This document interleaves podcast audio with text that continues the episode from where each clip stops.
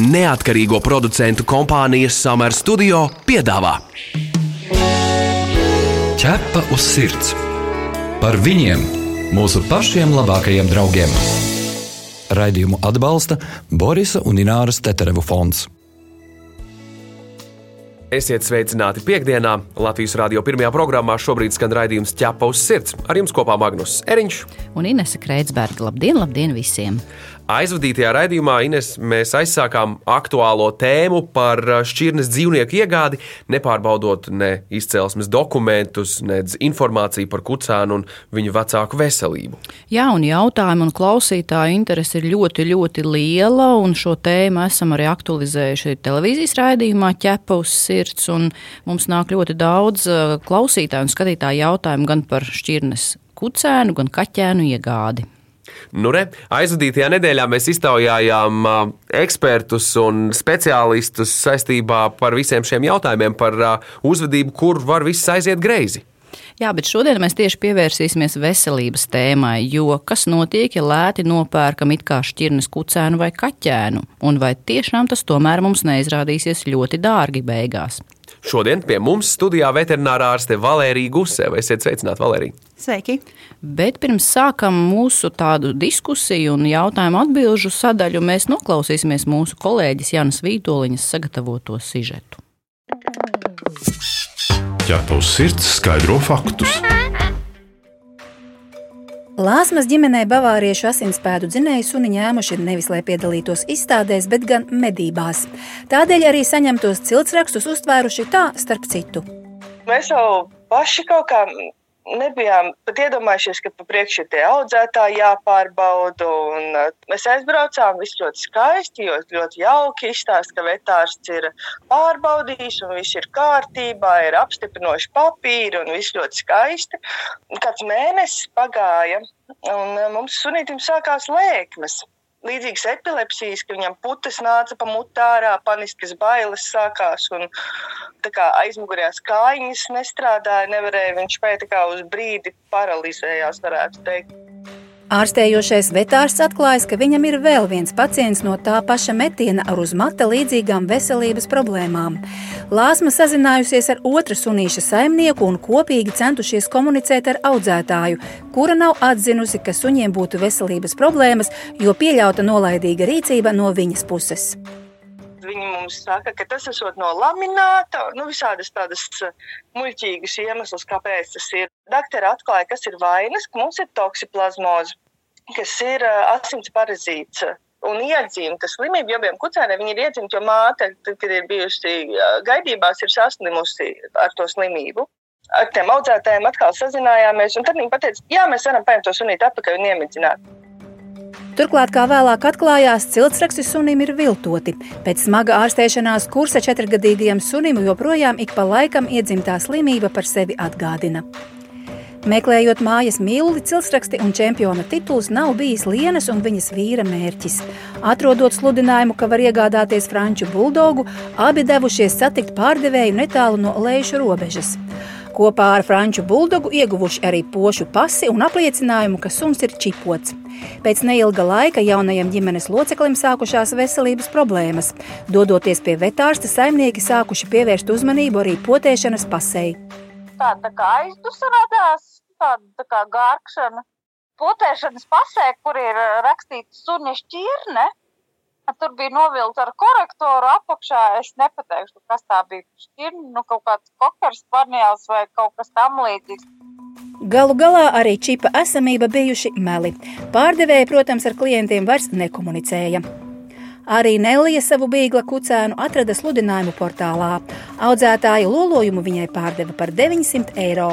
Pie audzētājas Nelija redzējusi vēl vismaz septiņus čirņu kucēnus bet um, pēc tam mums sanāca tā, kā viņam sakrīs spalvas. Aizbraucam pie vetārsta, izrādās, ka viņi ir um, zem ādas ērce. Bet tad, kad mēs viņu jau paņēmām no audētājas, viņi jau klepojam, viņa klepus vēl joprojām mīram. Trīs mēnešu laikā, kopš ir pie Nelijas, pie dažādiem vetārstiem, suns ir vests septiņas reizes. Tagad gaida rindā uz astoto. Tomēr galīgā diagnoze sunim vēl nav noteikta. Veterinārie pakalpojumi Nelijai jau ir izmaksājuši 500 eiro. Jo populārāka šķirne, jo vairāk iespēju nokļūt negodprātīga audzētāja valgos, stāsta veterinārārste Ilze Petersone. Katram vetārstam ir savs pulciņš pacientu, kam ir dažādas kaitas, kas radušās nepārdomātas pārošanas rezultātā. Visbiežāk cieš tās šķirnes, kas ir problemātiskas un jūtīgas pat tad, ja audzējot ir ievēroti visi noteikumi un standarti visi brahiocefāliskie, visas šīs šķirnes, ja teiksim, kā mopši un franču, angļu buldogi noteikti būtu tie, kur mēs sastopamies ar problēmām, īpaši tad, tad nelegāli pavairotiem suņiem.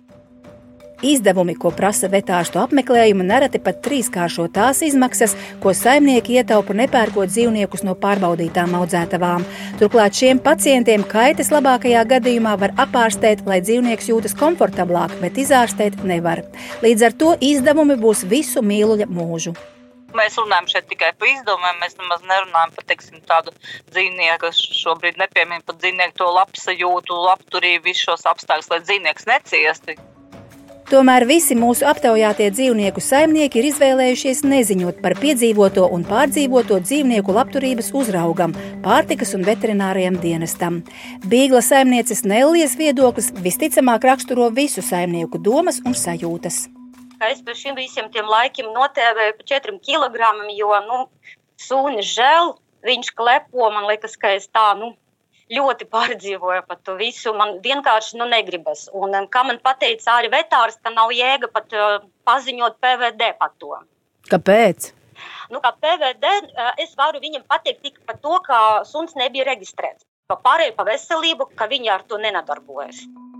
Visbiežāk negodprātīgu audzētāju upuriem trūkst pirkuma apliecinošu dokumentu, tādēļ viņi izvēlas neziņot, skaidro PVD veterināro objektu uzraudzības daļas vadītāja Mairita Riekstiņa. Tas ir ļoti, ļoti grūti pierādāms viss, jo dzīvniekam īpašniekam, kurš ir nopircis, ir jāgatavojas pietiekoši lieliem izdevumiem, lai viņi varētu arī to visu pierādīt, sākot ar, ar veterinārārstu apmeklējumiem, ar laboratoriskām analīzēm, ka tiešām tā tas ir bijis. Jā. Tur ir ļoti liels darbs kopā ar praktizējošo veterinārārstu. Ķepa uz sirds jautā ekspertam. Nu, jā, doktor, bet kā tad parasti cilvēki konstatē, ka maigi sakot, ir iegrābušies? Tad, kad uh, nāk uz pirmajām apskatēm ar dzīvnieku, jeb jau pie pirmajām problēmām? Tas atkarīgs ir kas atnāk ar dzīvnieku, priecīgi sakot, ka viņi ir iegādājušies lēti šķirnes dzīvnieku. Tajā brīdī veterinārārstam asiņo sirds, un mēs saprotam, ka varētu būt arī veselības problēmas.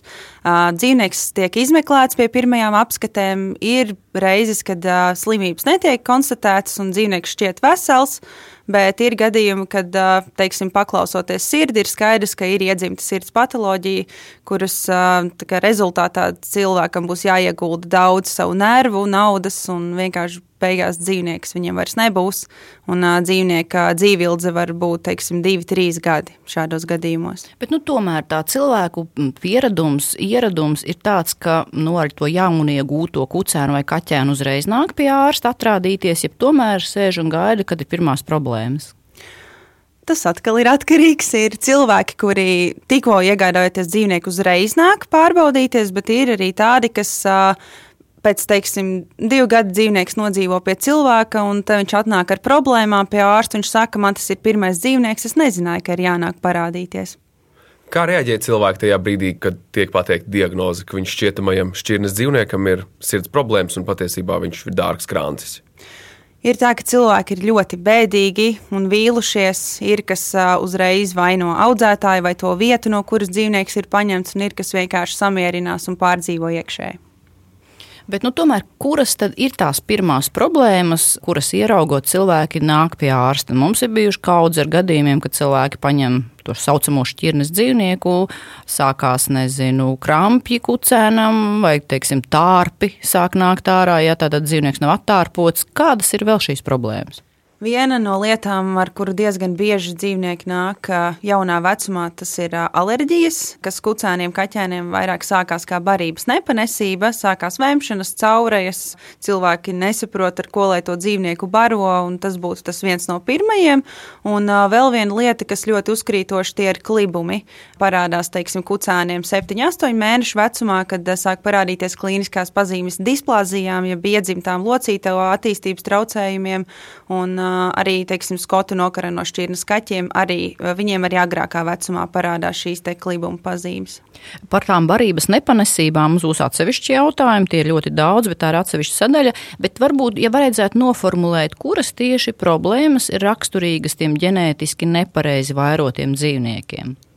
Sirds patoloģijas, locītava attīstības traucējumi un vairāk tās lietas, kas arī vizuāli pēc tam ietekmē dzīvnieku izskatu, kā arī franču buldogiem, visiem brahiocefāļiem īsie deguni, grūtības elpošanā un arī mazo šķirņu suņiem īstenībā trahejas kolapsi, kad traheja ir pārāk mīksta un tas arī varētu pārmantoties. Valērija, zinot tavu pieredzi profesionālajā darbībā, vai vari mums izstāstīt par suņu šķirnēm, kuras ir visproblemātiskākās? Hm, numur viens - franču buldogs. Ja gribi sev problēmas, iegādājies franču buldogu.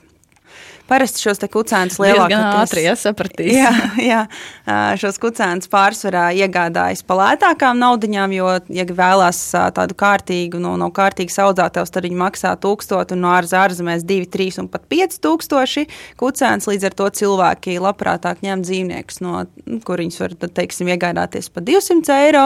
Nu, un tad numur viens viņiem problēmas, protams, ir elpceļi, brahiocefālais sindroms, un numur divi tās ir alerģijas uzvarā. Franču buldogs, tas man liekas, ir alerģiskākais suns šobrīd, un veterinārārstiem ir tāds jociņš, ka nu, kā, ir jauki, ka viņi ir, jo mums ir darbs. Saki, kāda ir dzīvības šobrīd Franču buldogam, ja, ja es nopērku uh, nelegāli pavairot Franču buldogu? Cik ilgi viņš man nodzīvos, ja viņam ir nu, problēmas jau ar elpceļiem? Viss atkarīgs no cik liels problēmas. Ja viņam ir problēmas ar nāsīm un augstslājām, tās ir operējamas. Bet, ja teiksim, cilvēks nav laicīgi vērsies pie veterinārā ārsta, viņam nav izskaidrotas sekas, tad Jā. dzīvnieks var nodzīvot arī divus, trīs gadus brīdī, kad viņam viņa trahēja neiztur šo negatīvo spiedienu, kad viņš velk gaisu un katru reizi piepūlās. Un trahēja var saplakt un dzīvnieks var nosmakt vienkārši. Ķepa uz sirds, suņu būda.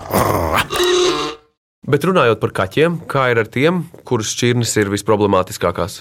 Manā skatījumā britu izpalvainais un skotu nokaranie top viens problēma, ar ko es saskaros, tās ir sirds patoloģijas, kuras tiek atklātas jau agrā vecumā, pie pirmajām vakcinācijām, pirmajām apskatēm, jau tiek saklausīti blakus trokšņi. Ir, ir smagāki gadījumi, ir vieglāki gadījumi, bet tā būtu viņu galvenā pamata problēma. Un skotu nokaranajiem, protams, ir problēmas ar skrīmšļaudu attīstību. Pēdējā laikā es neesmu daudz saskārusies ar šiem, bet dažus dažus gadus atpakaļ bija diezgan bieži skotu nokaranie tieši ar uh, kustību traucējumiem, vai tā, ka viņiem ir sāpes un uh, dzīvnieks bija nepieciešams iemedzināt, lai viņi nemokās. Kā var attīstīties šī skrimšļa problēma, piemēram, skotu nokara no auskaķiem? Viss ir ļoti vienkārši. Tiek pāroti divi kaķi, mama un tētis. Neviens nav izpētījis viņu ģenētiku, neviens nezina, kas ir bijis ar vecmāmiņām, vectētiņiem, vai kādam ir bijis šis gēns. Viņi nesā šo gēnu recesīvu. Tas sanāk, ka tas gēns nevienmēr izpaudīsies, bet, ja satiekās divi mamma un tētis, kuriem abiem ir šie recesīvie gēni, viņi satiekās kaķēnā, tad kaķēnam būs šī problēma. Vai mēs varam tautas valodā izskaidrot, ko nozīmē ģenētisks brāķis? Nu, visbiežāk es saprotu, ka tā ir asins radniecība. Un, ja tas tā ir, kāpēc tieši tas ir bīstami? Jo, piemēram, cilvēks nopērk kucēnu vai kaķēnu bez papīriem, dzīvnieks izskatās nu, tā kā šķirnes un varētu padomāt, kur ir problēma. Tuvradniecīgiem gēniem ir tieši šī lieta, ko es teicu par recesīvajiem gēniem, jeb vājākajiem gēniem. Un, ja dzīvnieki ir tuvradniecīgi, tad ir ļoti liela iespēja, ka viņiem abiem ir šis gēns, un tad, protams, viņam ir lielāka iespēja abiem satikties tiem gēniem. Un? Un tad veidojās dzīvnieks, kuram ir attīstības traucējumi, un viņš ir slims. Jā. Nu, tieši tā asins radniecība dara to, ka, principā, kad dzīvniekam liels tādas iespējas būt tā kā par invalīdu. Jā, Visas jā. funkcijas ir tā kā novājinātas vai neattīstītas. Nē, vienkārši nav funkcijas novājināts. Vienkārši tas, ka tie gēniem ir lielāka iespēja tiem abiem diviem sliktajiem gēniem, kas rada šīs problēmas, lielāka iespēja ir satikties. Jo, ja teiksim, māsa, māsai un brālim abiem ir zilas acis un viņi sapārosies, tad visticamāk, ka bērniem būs zilas acis. Tieši tas pats ir ar ā, citiem gēniem, kas attiecās par šo kroplību, kas veidojās. Vai tu vari izskaidrot uh, cilvēkiem uh, no vetārsta skatu punkta, kāpēc cilts raksti ir svarīgi? Cilts raksti vis, vissvarīgākā funkcija ir tieši pārot dzīvniekus, kuri nav radniecīgi, skatīties viņu ģenētiku, vai, teiksim, ir bijušas tās pašas gūžas displāzijas, piemēram, ko vācu aitu suņiem ļoti cītīgi skatās. Ir tā, ka lasīju nolikumu, un ir tā, ka skatās tikai trijās paudzēs, kaut gan pēc ģenētikas ir tā, ka šī problēma var iedzimt arī desmitajā paudzē. Rekā. Nu jā, un īstenībā ciltsraksts ir vienīgais apliecinājums, ka šis dzīvnieks ir tīras šķirnes. Jā, ļoti daudzi teiks, ka ciltsraksti negarantē teiksim, to ideālo veselību, bet, eh, bet daudzi pat tos ciltsrakstus nepaprasa. Tas tiesa. Un daudz cilvēku arī tiek apmānīti ar to, ka papīri tiek iedoti, vai ne? Bet, nu, piemēram, potēšanas pasas izskatā. Tur rakstīts, ka suns ir suns. Nu, It kā taksis, bet uh, labojiet mani, ja es kļūdos. Vetārs taču ieraksta info to, ko viņam var palūgt uh, ierakstīt saimnieks. Jā, jā, tā ir. Pasa tiek aizpildīta pēc saimnieka dotajiem datiem. Līdz ar to ir, ir situācijas, kurās teiksim, ir bijis konflikts ar jā, tiem audzētājiem vai īpašniekiem, kad viņi vēlās, lai pasē tiek ierakstīts, nezinu, Yorkshire terjers, bet veterinārārsts skatās uz to dzīvnieku, viņš redz, ka tur nav tīra šķirne, un tad veidojās šie konflikti, kad vienkārši tas audzētājs paņem savus kucēnus un saka, labi, es aiziešu citur, un kaut kur citur viņam ieraksta to, ka tas ir Yorkshire terjers. Bet nu, ar papīriem mēs nedomājam, ka dzīvniekam nāk klāt potēšanas pasa un ka tas ir tāds kaut kāds smalkais papīrs. Tas ir vienkārši elementāra potēšanas pase, un tas nekādā veidā negarantē šķirnes uh, izcelsmi. Atgādinām, ka pie mums studijā šobrīd ir veterinārā ārste Valērija Guseva. Mēs diskutējam par to, kā nopirkt šķirnes dzīvnieku un kā nenopirkt brāķi. Un, protams, šo pārraidi varat dzirdēt arī atkārtojumā Latvijas radio arhīvā, kā arī populārākajos straumēšanas servisos podkāstu formā. Tu pazīsti kādu īpašu dzīvnieku draugu? Tavs kaimiņš vai kolēģis palīdz nelaimē nonākušiem suņiem un kaķiem? Varbūt kāds suns vai kaķis izmainīs tavu paša dzīvi. Raksti mums, un mēs pastāstīsim šo sirsnīgo stāstu pārējiem klausītājiem. Iedrošināsim arī citus izdarīt kādu labu darbu. Gaidām jūsu vēstuli uz info atķepa uz sirds LV. Runājot par mūsu klausītājiem, mūsu klausītāji ļoti daudz atzīst, ka paņēmuši bailīgāko, piemēram, vājāko kucēnu metienā vai no žēluma, jeb no iepatīcies. Vai Valērija var pastāstīt, kāpēc ir bīstami ņemt dzīvnieku, kurš, piemēram, atpaliek no citiem svarā, ir lēnāks, miegaināks? Tas ir bīstami tādēļ, ka dzīvniekam var būt uh, iedzimtas veselības problēmas, vai arī teiksim, ir dabīgā atlase. Ja? Dabā šis dzīvnieks, kurš atpaliek augšanā no visiem, viņš visticamāk neizdzīvot, viņš nepieaugtu. Bet uh, cilvēkiem patīk dzīvniekus glābt, uh, cilvēkiem patīk viņus kā, kaut kādā veidā ņemt pie sevis un uh, teiksim, uzlabot savu karmu, glābjot viņus, bet ļoti bieži ar to var teiksim, iebersties. Nu, skatoties, cilvēks to redz, ja, ka tas ir tāds vājākais um, kucēns, piemēram. Nu, viņš izdara šo grūto soli, nepaņem. Ja.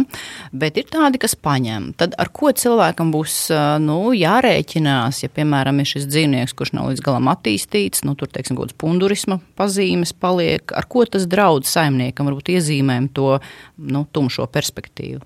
Tas draud ar ā, diezgan lielām izmaksām. Jo, ja, teiksim, ja ir vēlme, lai tas dzīvnieks dzīvo, lai viņam ir dzīves kvalitāte, noteikti vajadzētu noskaidrot, kas viņam kaiš. Un, lai to visu izdarītu, būs jāiegulda diezgan daudz līdzekļu, sava laika, tas tam vienkārši ir jāvelta arī nervi diezgan daudz. Jo, ja tiek atklāta slimība, kas nav ārstējama, tad, tad ir pārdzīvojums. Ja tiek atklāta, nezinu, piemēram, aknu šunti, kas nozīmē, ka asinsritē apējot aknas, asins tiek neatindētas, un viņas tādas aiziet tālāk uz organismu, tas var izraisīt dzīvnieka atpalikšanu augšanā, un šāda te lieta mēdz būt ķirurģiski labojama. 21. gadsimts mūsu dzīvēs ir īpašs ar to, ka alerģijas ir uz katra stūra. Cilvēkiem ir alerģijas, mūsu mājdzīvniekiem arī ir alerģijas. Daudzi suņu saimnieki mocās ar pārtikas alerģiju saviem suņiem, un alerģija pret vistas proteīnu, kas faktiski ir iekšā visās komercbarībās, arī ir liela problēma, kur sākas tā nepanesamība, respektīvi alerģija. Kāpēc tā notiek un ko mēs varam darīt, lai tas nenotiktu? Alerģija pamatā veidojās uz tā, ka organisms saskarās ar alergēnu, tātad ar vistu. Vista šobrīd ir vispopulārākais alergēns no barības, tādēļ, ka vista ir visur, kā jau jūs minējāt. Un, uh, tas uh, alerģijas pārmantojas arī ģenētiski. Ir bijuši gadījumi, kad atnāk kucēns, kuram ir uh, caureja no komercbarības, un saimnieks saka, jā, mēs zvanījām audzētājiem, un viņi saka, ka kucēna mammai bija alerģija no vistas. Tad mēs jūtam to pārmantojamību, kā ir, kad uh, tās alerģijas pārmantojās. Tad šajā gadījumā atbildīgs par to, ka kucēnam ir alerģija, ir uh, audzētājs. Teorētiski jā, Jo Viņi taču arī noteikti to kucēnu baro ar to vistu, vai ne? Jā, jā, jā. vienkārši ir tā, ka cilvēki es, es neesmu, nezinu līdz galam, kāda ir noteikumi katrā klubā, ar kādām slimībām dzīvniekus drīkst pārot, bet uh, tas, ar ko esmu saskārusies, ka tieši alerģijas neviens uh, neliek kā to slimību, kurus, kuras dēļ nevajadzētu pārot. Visi skatās eksterieru, citas lietas, bet to, ka dzīvnieks ir alerģisks, to neņem vērā. Nu, jā, un cilvēkiem liekas, nu labi, alerģija pret vistu, nu nedosim vistu. Ir taču daudz citas barības, tik ērtas komercbarības dažādas, bet viņi jau nezina to, ka visas komercbarības satur šo vistas proteīnu. Pareiz? Nav tā, ka visas, visas ir barības, kurās nav vistas proteīns, ir barības, kurās ir tā saucamais hidrolizētais proteīns, kur var būt arī vista, bet šī vista ir sadalīta tik smalkās daļiņās, ka organisms nespēja to uztvert kā alergēnu. Tās ir tās hipoalerģiskās barības. Bet tad ir izcinājums pāriet droši vien uz svaigēšanu tādiem dzīvniekiem. Jā,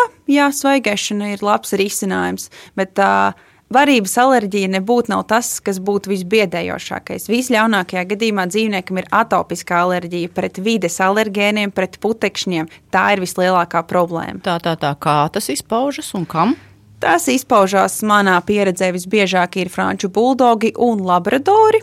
Piemēram, ārā sāk ziedēt virši, ir rudens un dzīvnieks sāk kasīties vienkārši izpausmes uz ādas, ādas iekaisumi, ausu iekaisumi. Un tas viss tiek kontrolēts lietojot vai nu steroīdus, vai nu cita veida medikamentus, kas nomāca alerģiskās reakcijas.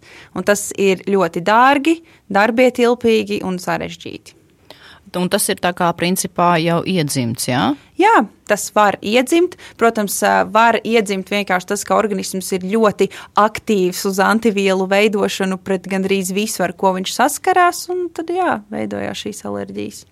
Kādas vēl uh, var būt uh, slimības pēc tā mirkļa, kad mājdzīvnieks ir jau kādu laiku nodzīvojis mājās?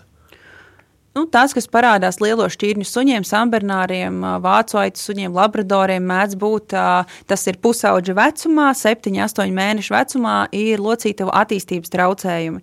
Jo tajā brīdī, kad tam kaulam vajadzētu jau pārvērsties par kaulu, nevis par skrimšļu audu masu, tajā brīdī parādās tas, ka, teiksim, kādā no locītavām ir atdalījies skrimšļa fragments, vai kauls nav kārtīgi saudzis, kā viņam vajadzētu uz to vecumu, un viņš kustās tajā locītavā, un tad viņam parādās klibumi.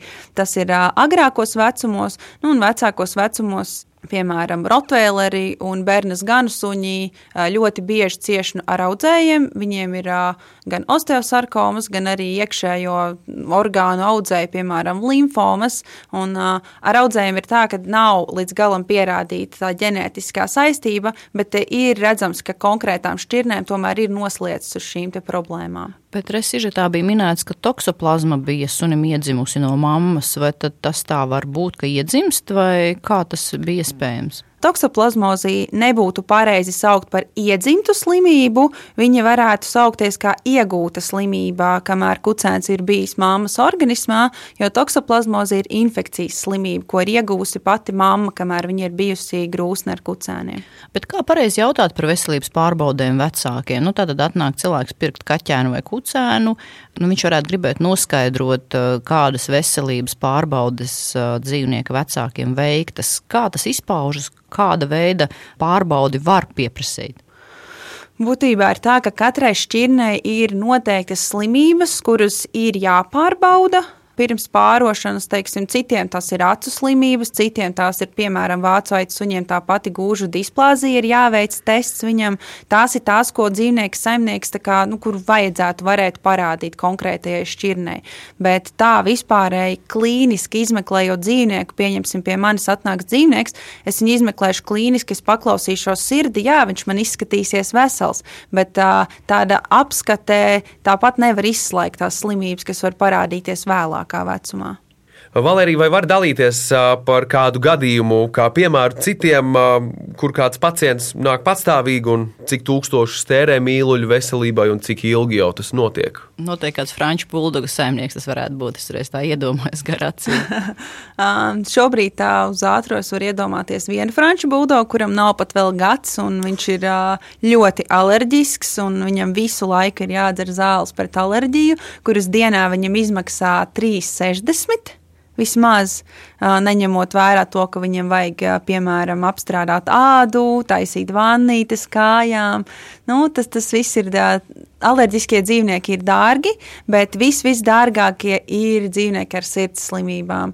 Šobrīd man jaunākais pacientiņš, cik viņam ir kaķēnam, tagad uh, varētu būt nedaudz vairāk par trim mēnešiem kuram ir atklāta tāda sirds slimība, ka kardiologs teica, ka pirmo reizi redz tik smagu gadījumu un nedod vispār pilnīgi nekādas nu, prognozes par to, cik ilgi kaķēns varētu dzīvot šādā stāvoklī.